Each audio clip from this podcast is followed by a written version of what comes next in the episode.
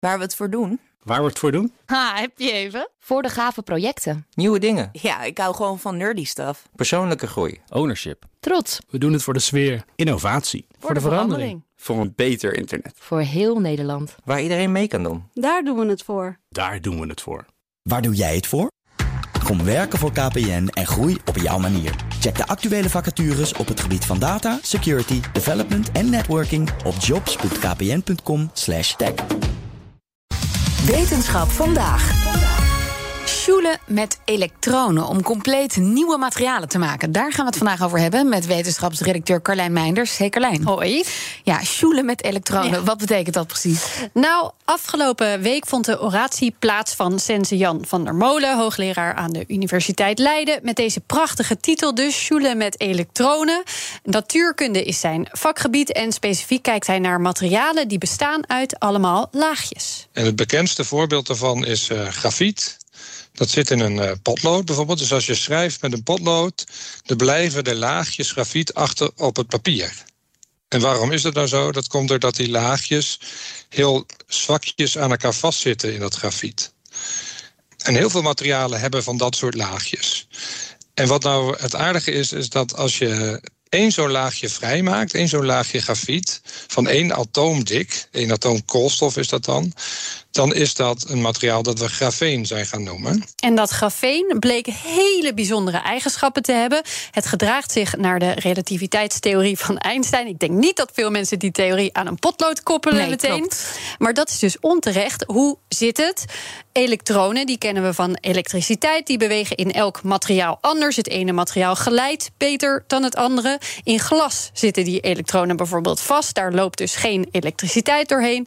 Maar neem koper bijvoorbeeld, daar lopen ze juist heel goed doorheen. In grafeen is het dan nog weer een beetje anders. Dus daar kunnen de elektronen lopen, maar zelfs zo makkelijk lopen alsof ze dus helemaal geen gewicht hebben. Alsof ze geen massa hebben, zeggen we dan in de natuurkunde. Het gaat allemaal met de maximale snelheid. En, eh, en dat geeft een aantal heel bijzondere eigenschappen van hoe dan daadwerkelijk de elektrische geleiding door dat grafeen gaat. Ja, die ontdekking is eh, een tijdje geleden al gedaan. Heeft ook een Nobelprijs gekregen. Want het was al snel duidelijk. Hier zou wel eens wat interessants eh, mee kunnen. En op dit moment, waar kijken ze dan precies naar? Want die ontdekking was er dus al. Ja, ja, ze kijken wat gebeurt er als je meerdere laagjes combineert. Meerdere laagjes grafiet of een laagje van eh, materiaal B met daarop materiaal C. Ontstaat er dan iets helemaal nieuws, iets wat in de natuur niet bestaat. Je kunt je voorstellen, dan moet je kunnen maken, maar je moet het ook kunnen bestuderen. Nou, daar hebben ze in Leiden een aantal technieken voor ontwikkeld die ze nergens anders in de wereld hebben. Waarmee ze dus kunnen zien als je bijvoorbeeld een laagje grafeen op een laagje grafeen legt, alsof je kippengaas op kippengaas legt eigenlijk. Wat gebeurt er dan? En wat gebeurt er als je een van die laagjes misschien net wat anders neerlegt? Zo is al eens ontdekt dat je als je één laagje draait, dus je moet je voor je zien, die laagjes blijven op elkaar, maar je draait er eentje eh, precies 1,1 graad. Oké. Dan krijg je een supergeleider. En waarom dat zo is en hoe dat precies werkt, dat kunnen ze dus in Leiden allemaal bestuderen. Ah, en hoe doen ze dat dan? Ze gebruiken hiervoor een elektronenmicroscoop. Ze schieten die elektronen op dat nieuwe materiaal af. En hoe ze dan terugkomen en of ze terugkomen, dat zegt dan weer iets over het materiaal. Wat nou het mooie is, met deze techniek kunnen ze ook als enige de lege plekjes in het materiaal bestuderen.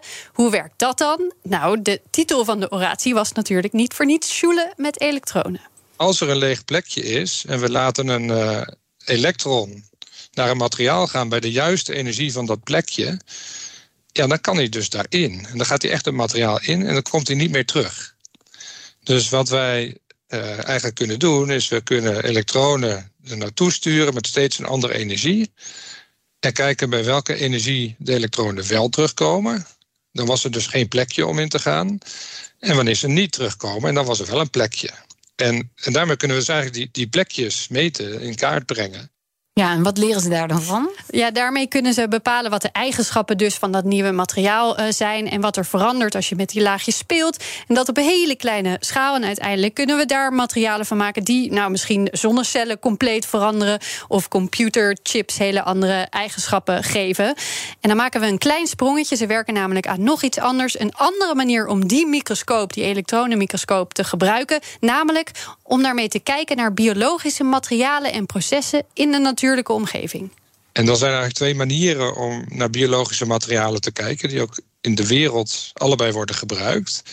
En de ene is dat je met een gewone microscoop kijkt naar een cel die beweegt. En dat kun je best aardig doen. Je kunt die cel volgen. Nadeel is dat je dan niet zo heel nauwkeurig kunt kijken. Je hebt niet zo'n hele goede resolutie, heet dat. Want licht heeft een beperking daarbij. En mensen kijken ook met een elektronenmicroscoop. En dan kunnen ze veel beter kijken. Maar terwijl je kijkt, schiet je de cel stuk. Dus dat is, heeft dan ook wel weer een beetje zijn nadelen, zeg maar. En wij proberen uh, een techniek te ontwikkelen. Daar zijn we nu een jaar mee bezig. Die, die het beste van die twee werelden probeert te combineren. Dan kom je uit op een microscoop waarmee je ongeveer 100 keer beter kunt kijken dan met een optische microscoop. Maar hoe werkt dat dan precies? Dat licht en elektronen allebei gebruiken wat veel mensen misschien wel kennen zijn de wayang-poppetjes. Wayang-poppen uit de Indonesische cultuur. Waarbij je eigenlijk een soort uh, toneelstuk kunt zien van poppen, maar je ziet eigenlijk alleen de schaduw van de pop. En toch kun je het toneelstuk best goed volgen. En in feite doen we dat ook. We belichten een cel met licht. En eigenlijk kijken we naar de schaduw. En we kijken naar de schaduw door op die plek waar geen licht is, ervoor te zorgen dat er ook geen elektronen vandaan komen. En waar wel licht is, er elektronen vandaan komen.